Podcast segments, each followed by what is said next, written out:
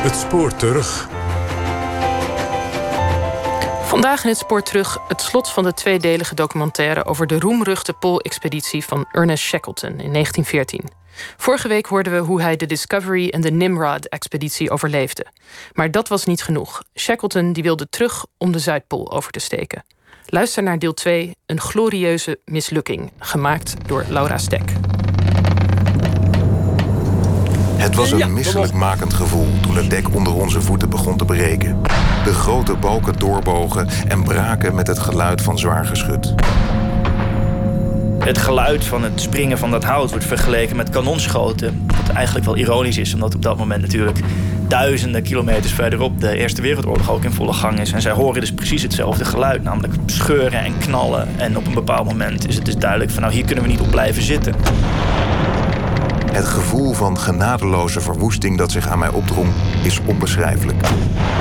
De Schotse verpulverde het schip met de kracht van de miljoenen tonnen ijs erachter. De overdwars getuigde delen hangen en vallen en overal vliegen katrollen in het rond. En op dit moment heb je gewoon eigenlijk niet veel meer dan een grote bak lucifers op een uh, stuk ijs. Het schip de Endurance ligt volledig in puin en verdwijnt langzaam onder de Schotse. Ernest Shackleton en zijn mannen staan met alles wat ze nog konden redden op het ijs. Het is 30 graden onder nul en ze zijn ver van de bewoonde wereld. We waren hulpeloze indringers in een vreemde wereld.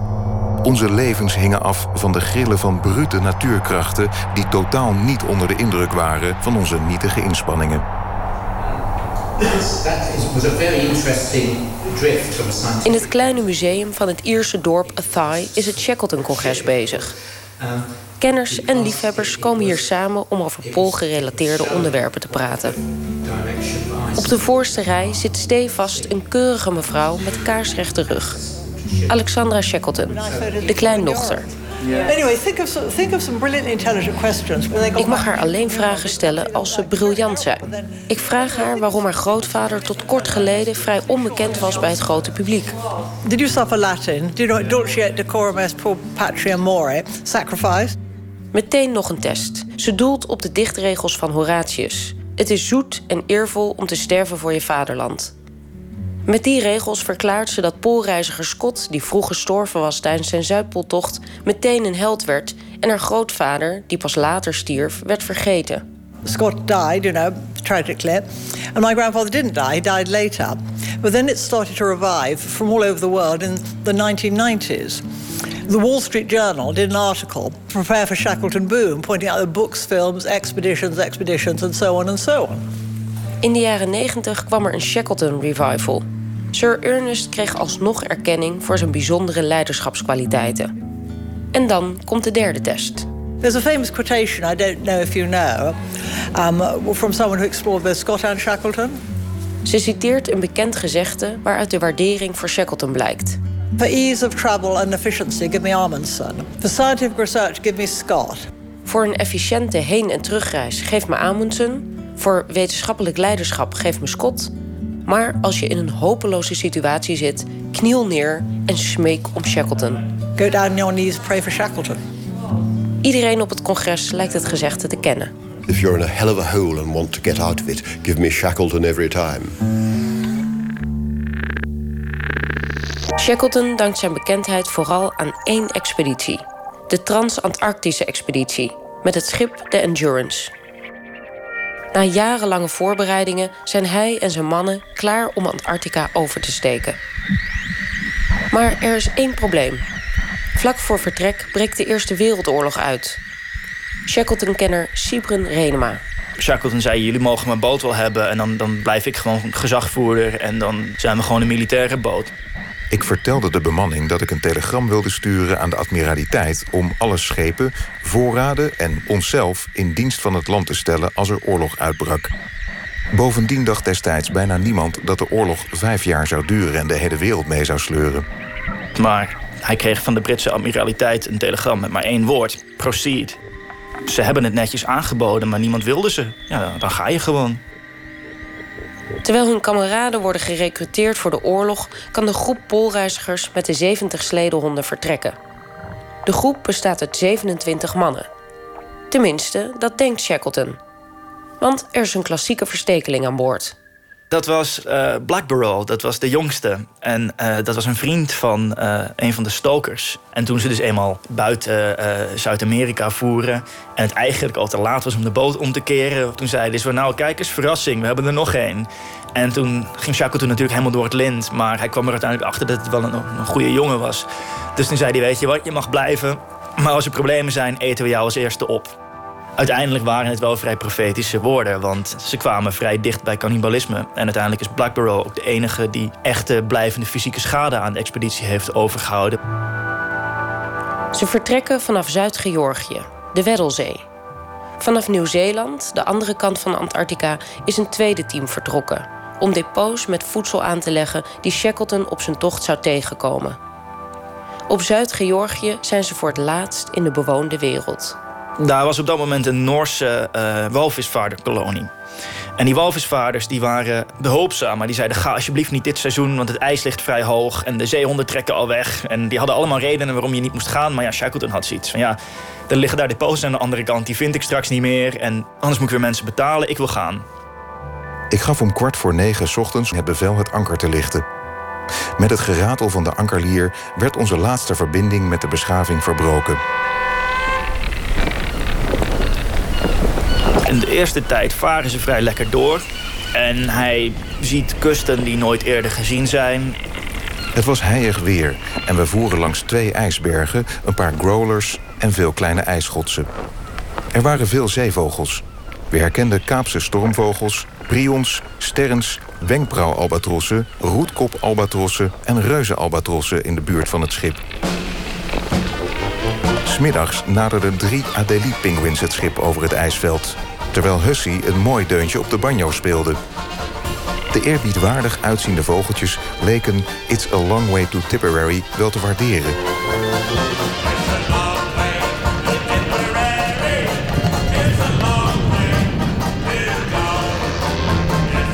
Naarmate ze vorderen wordt het steeds kouder en het zicht wordt belemmerd door grote ijsschotsen.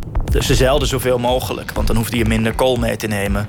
Maar voor het rammen van ijsschotsen, wat ze stiekem allemaal ontzettend leuk vonden om te doen, had je natuurlijk die motor nodig. Want dan moest je eerst volle kracht achteruit en dan volle kracht vooruit.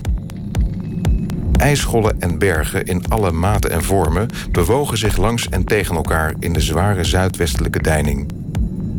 Al deden we nog zo ons best ze te ontwijken, toch ramde de Endurance regelmatig grote ijsbrokken. Maar op dag 45 gaat het mis. De bemanning voelt een hevige schok. Op 25 december werd het schip vanaf 6 uur s morgens door grote ijsschollen tot staan gebracht. Shackleton had al een keer gezien wat het betekende als een boot vastlag. Want de Discovery, de eerste expeditie van Scott, die was vastgevroren. Maar die was uiteindelijk weer vrijgekomen. En het idee dat je boot eventjes vast kwam te vriezen, dat was ook niet helemaal ongewoon. Maar de gedachte was altijd van, nou ja, dat komt wel weer goed. In het kleine museum in Athy staat een replica van het schip de Endurance. Ja, dit is een hele mooie. Sibren loopt er enthousiast omheen. Er zitten hier vier reddingsboten op, drie masten. En je hebt hier de honden verblijven. De honden werden op het dek uh, gehouden. En er zijn wel anekdotes van honden die overboord spoelden... en dan met de volgende golf er weer op.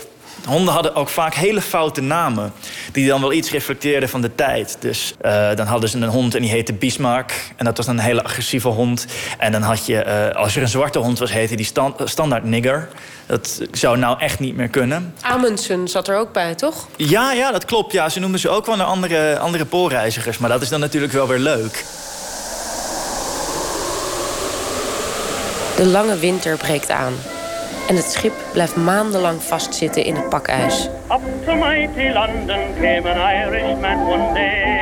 De mannen hoeven niet meer te zeilen en het grote wachten is aangebroken.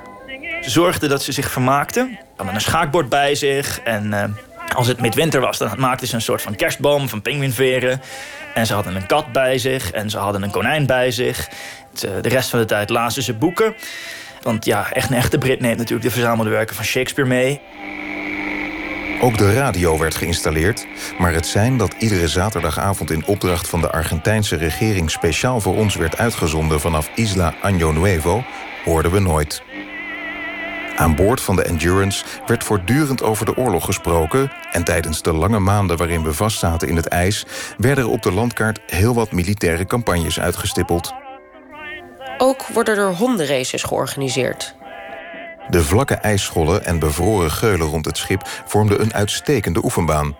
Dan hadden ze een rondje uitgezet en dan kon je leuk links en rechts af. En dan hadden ze een, een bijrijder als een soort van uh, motor met zijspan.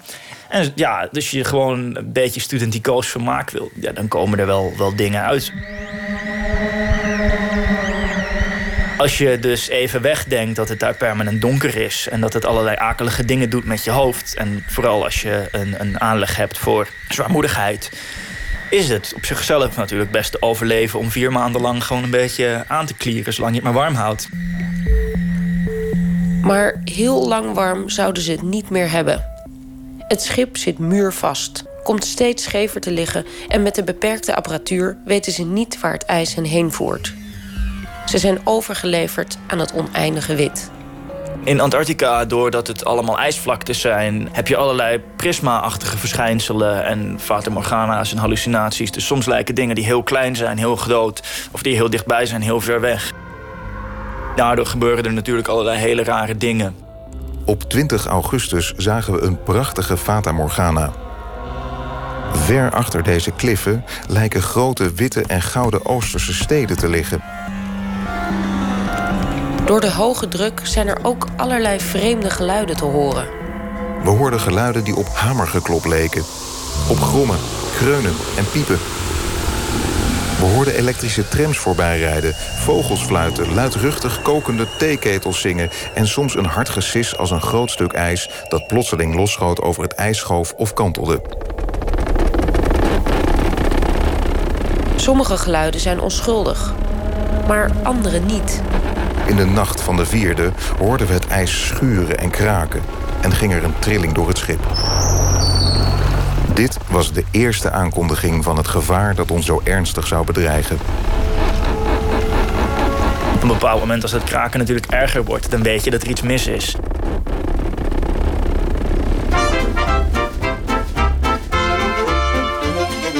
Ondanks het naderende onheil gaat iedereen door met zijn taken. De biologen bekijken de maaginhoud van de pinguïns... en cameraman Frank Hurley schiet beelden. Het zijn hele mooie beelden. Ik kijk hem ook erg graag. Er bestaat een oude film van de Endurance-expeditie. Bedoeld voor de bioscoop.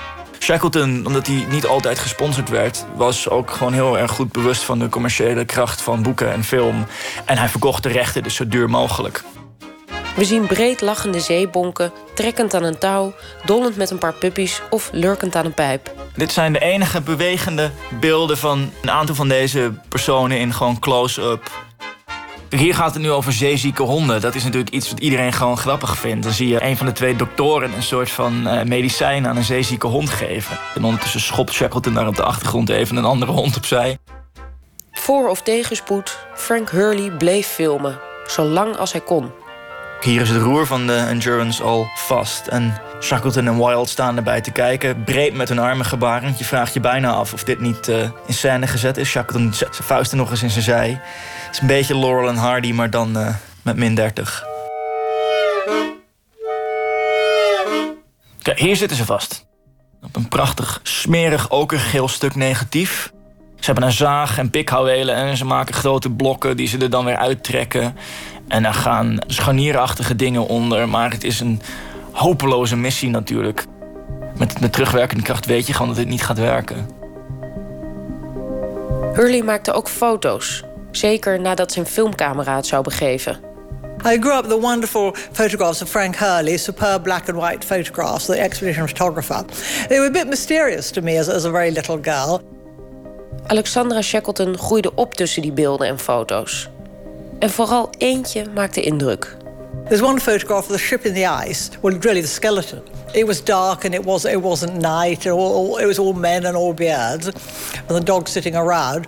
And I would say, What happened to the dogs? And the grown ups would never give me a straight answer.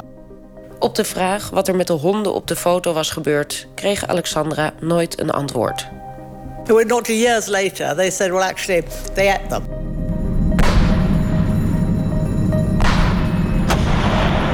Op 27 oktober 1915 besluit Shackleton het schip te verlaten. De Endurance wordt als een nood gekraakt.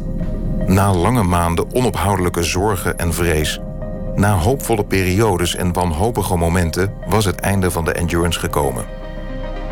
Als hij dan eenmaal gaat, dan hoort Shackleton het en dan roept hij: uh, She's going, boys. Daar gaat ze dan, jongens. Het is een, een persoon, een, een dame die je bijna lief hebt. Voor een zeeman is zijn schip meer dan alleen een drijvend thuis. De Endurance was het instrument van mijn ambities, hoop en verlangens. Nu, krakend in al haar voegen, met planken die breken en gapende wonden, geeft het langzaam de geest. Heel toepasselijk en toevallig op dat moment was er een groep uh, keizerpinguïns die normaal gesproken daar niet komen. En die begonnen allemaal uh, te kwaken op een hele rare manier. Zoals ze ze nog nooit hadden horen kwaken. En iedereen dacht van nou, dit moet betekenen dat de penguins uh, vaarwel tegen de boot komen zeggen. En sommige mannen zagen dat als een slecht uh, voorteken. En anderen zagen het juist als een goed voorteken.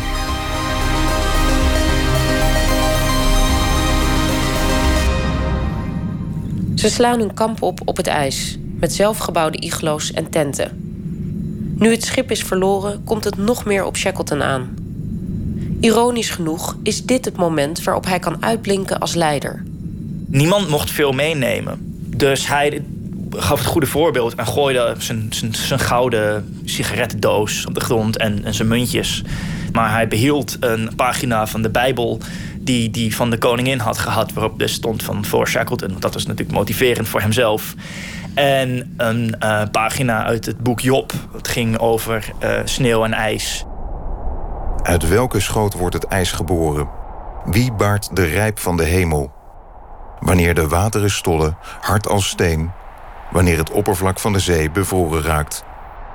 Op die manier zei hij van nou jongens, jullie moeten allemaal de dingen kiezen die het belangrijkste zijn voor jullie. Dus een foto van je vrouw of zo. Maar hij maakte een uitzondering voor een van de wetenschappers. Want die uh, speelde banjo. En die banjo heeft dus heel veel mensen ontzettend veel plezier gebracht. Ergens heeft het die heel optimistisch dat je fotonegatieve en wetenschappelijke meetapparatuur achterlaat, maar dan een banjo meeneemt. Onder het voortdurende getokkel van de banjo heeft de bemanning nu te maken met nieuwe problemen. Voeten beginnen te bevriezen, melk en suiker worden schaarser en er zwemmen orka's rond. Deze walvissen hebben de gewoonte rustende Rob op het ijs te bespieden... door over de rand van een ijsschol te kijken... waarna ze hem door het ijs heen van onderaf grijpen en verorberen. Op een dag zakte Wordy tot aan zijn middel door het ijs... terwijl hij bezig was de dikte van het jonge ijs te meten. Juist op dat moment kwam een orka in een nabijgelegen geul boven om te spuiten. Wordy's metgezellen trokken hem snel het water uit... Vanaf nu eten ze vooral zeehond, robbenvet en pinguïnvlees. Op 3 mei ontdekten we drie keizerspinguïns. Een van de vogels heeft een filosofische instelling en blijft kalm als hij aan één vleugel wordt weggevoerd. De andere zijn vechtlustiger. Keur en Cheatham leveren dapper strijd tegen twee grote vogels. Keur holt op het beest af en grijpt het, maar de verbolgen pinguïn mept hem neer en springt boven op zijn borstkas voor hij de benen neemt. Ondertussen moet er een plan komen.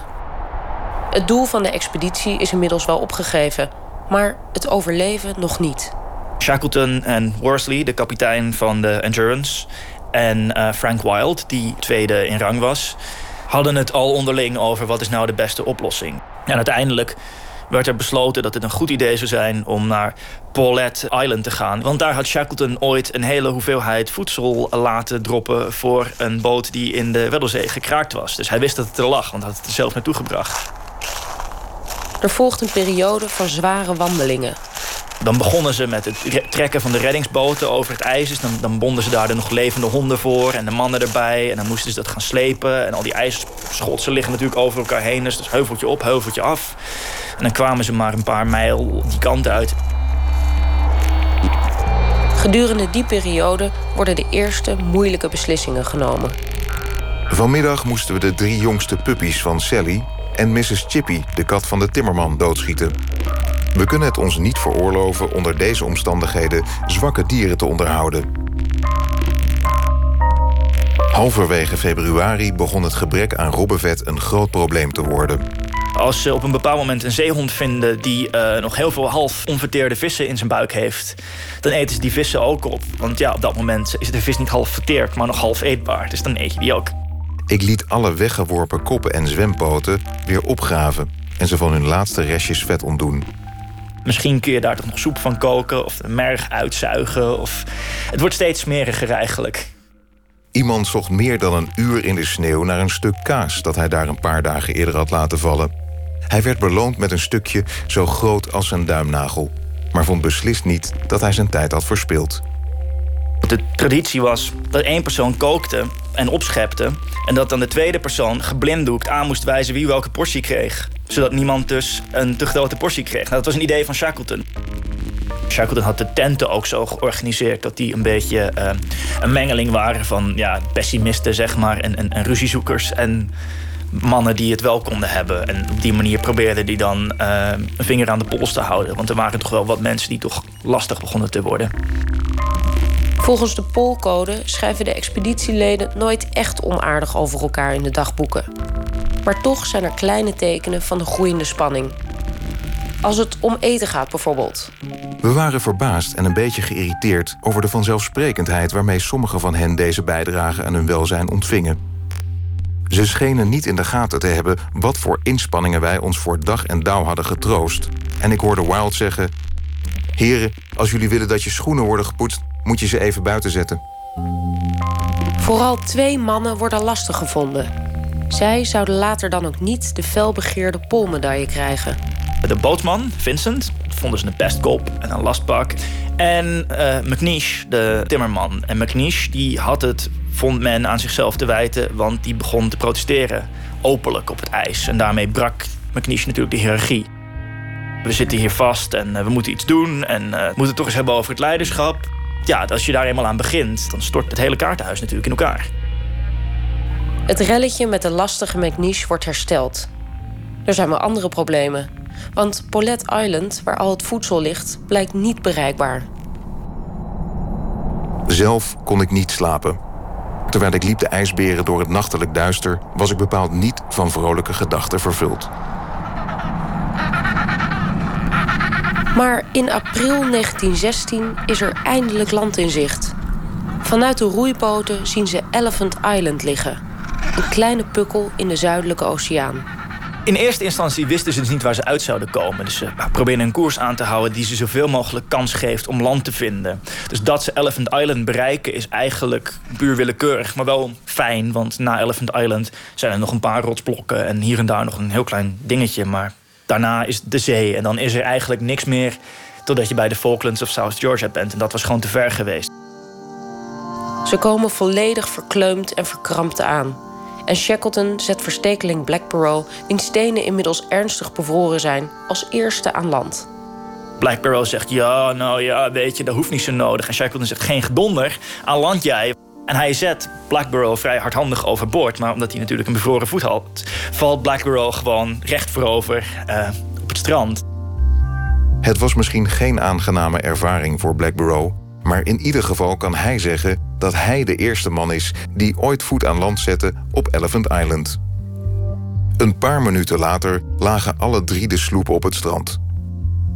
Toen ik voor de tweede keer aan land stapte, werd ik geconfronteerd met een merkwaardig tafereel.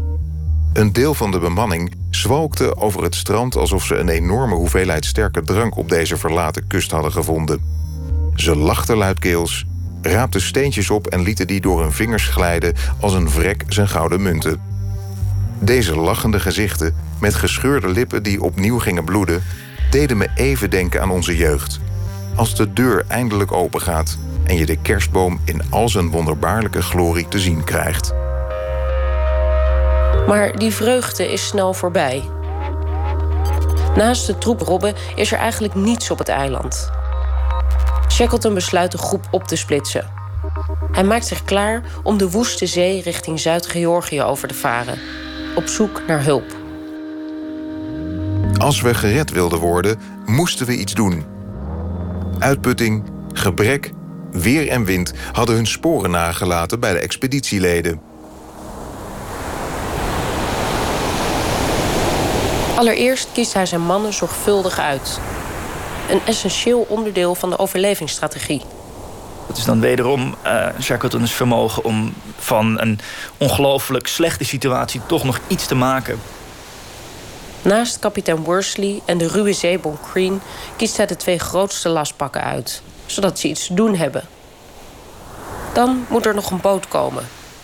Ze kiezen de grootste reddingsboot, de James Caird, en laten hem door timmerman McNish ombouwen. McNish had alleen nog maar een schaaf en een zaag en een hamer of iets dergelijks. Dus dat het hem lukte, dat is eigenlijk gewoon een soort van MacGyver in Antarctica. Hij had de boegspriet van de Endurance, die hadden ze dan toevallig bij zich, gebruikt om uh, de kielbalk te versterken. Ze lieten een stuk uh, tentdoek bevriezen als een soort van vooronder. Ze verzwaarden hem met stenen. En ze verhoogden hem door de andere twee boten verder aan stukken te zagen... waarmee natuurlijk de kansen voor die andere mensen goed verkeken waren. Het bootje van 7 meter moet dus over een stuk zee... met golven die toch zo hoog zijn als een huis. Een ding waar je het IJsselmeer nog niet meer op zou willen. Als we opzij keken, keken we recht in de tunnel van de omrollende golf... die op het punt stond in te storten. Zeker duizend keer leek het erop dat de James Caird door de golven zou worden verzwolgen. Ze moesten dag en nacht roeien en zeilen en sommige mannen stonden op knappen. Ze hadden allemaal last van bevriezingsverschijnselen. Sommigen konden niet meer roeien. Op de tiende nacht kon Worsley zichzelf niet meer uitstrekken naar zijn wacht aan het roer. Hij was volkomen verkrampt en we moesten hem onder dek slepen en masseren voor hij zichzelf in een slaapzak kon wringen.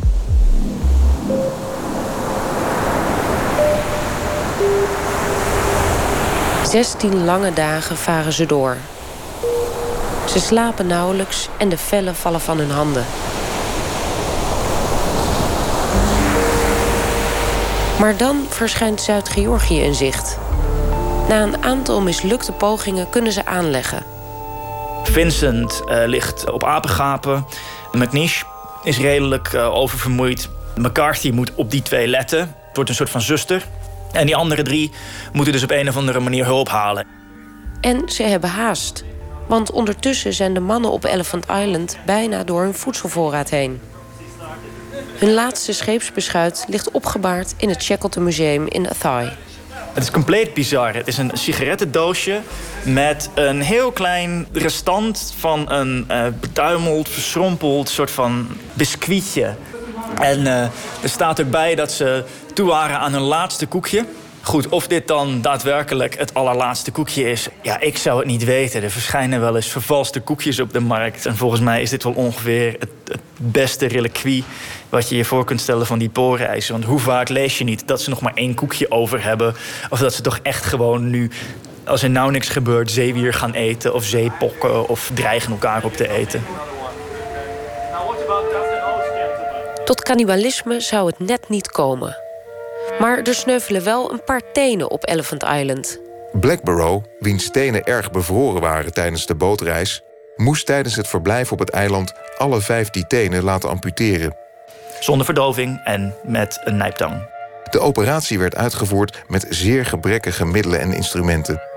Hij vond plaats in een donkere, vieze hut met alleen een op robbenvet brandend fornuis om de temperatuur enigszins dragelijk te houden, terwijl het buiten hard vroor.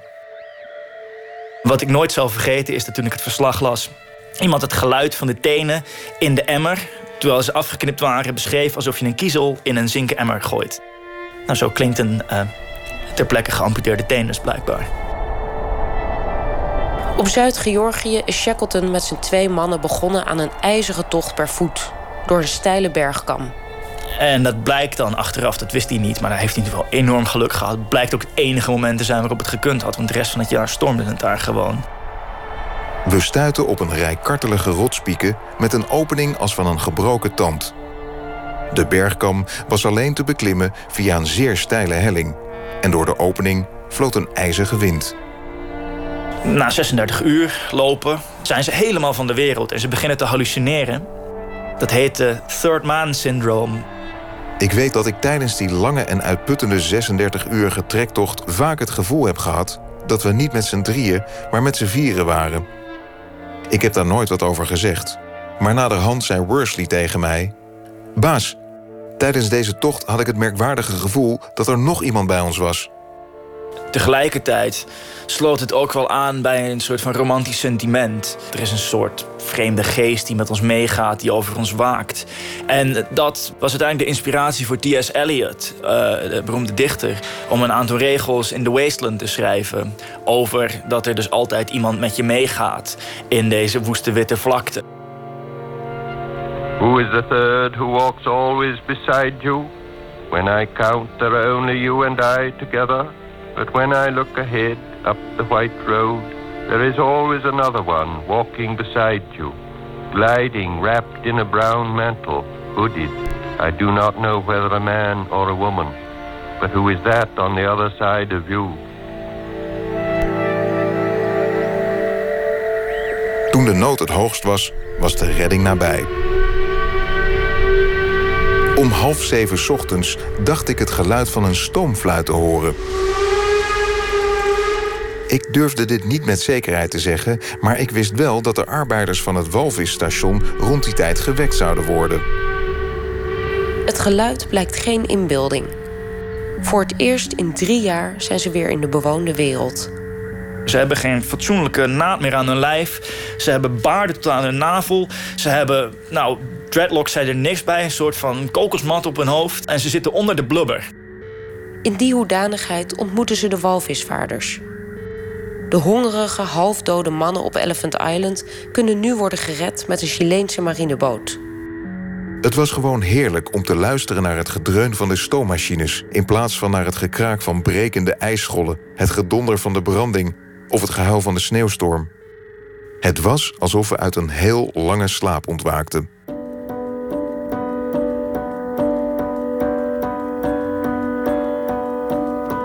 De overlevingsmissie is geslaagd. Alle 28 mannen keren terug naar het nog steeds in oorlog verkerende Engeland.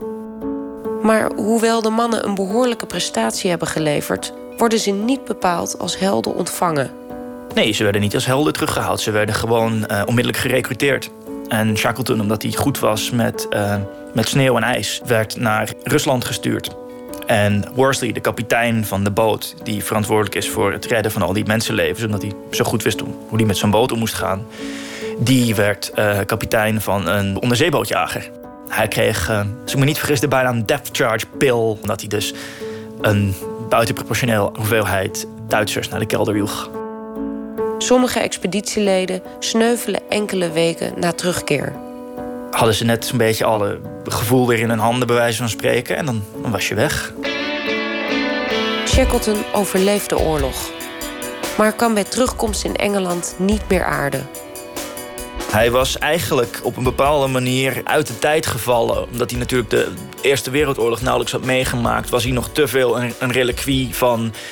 Nou ja, wat de Britten dan de Edwardian era noemen. Dat gewoon een soort van gentleman met een bolhoed. En hij was niet geschikt voor de moderne tijd. Bovendien was er ook een gevoel van nostalgie. En hij had schulden. En hij was toch niet helemaal gelukkig in zijn huwelijk. En dat zijn allemaal dingen die je natuurlijk heel makkelijk kunt oplossen... door gewoon te verdwijnen. En dat doet hij.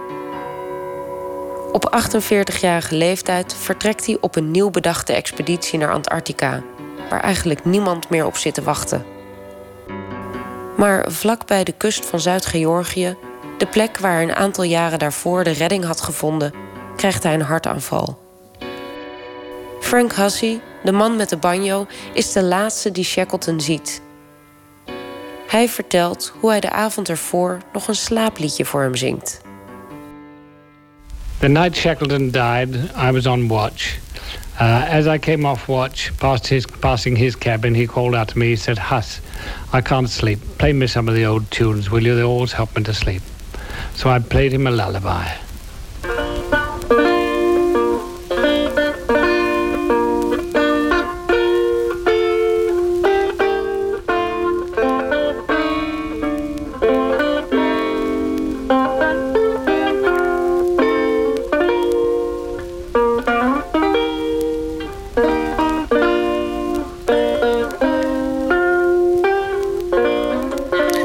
Was het tweede deel van het tweeluik over poolreiziger Sir Ernest Shackleton. Vertolkt door stemacteur Rogier Timmermans en met dank aan kunstenaar en Shackleton-kenner Sibren Renema.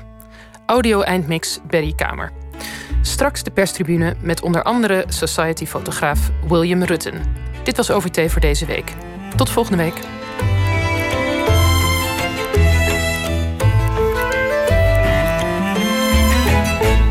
En daarmee, geachte luisteraars, laat ik u over aan de verpozen die de radio u plicht te bieden.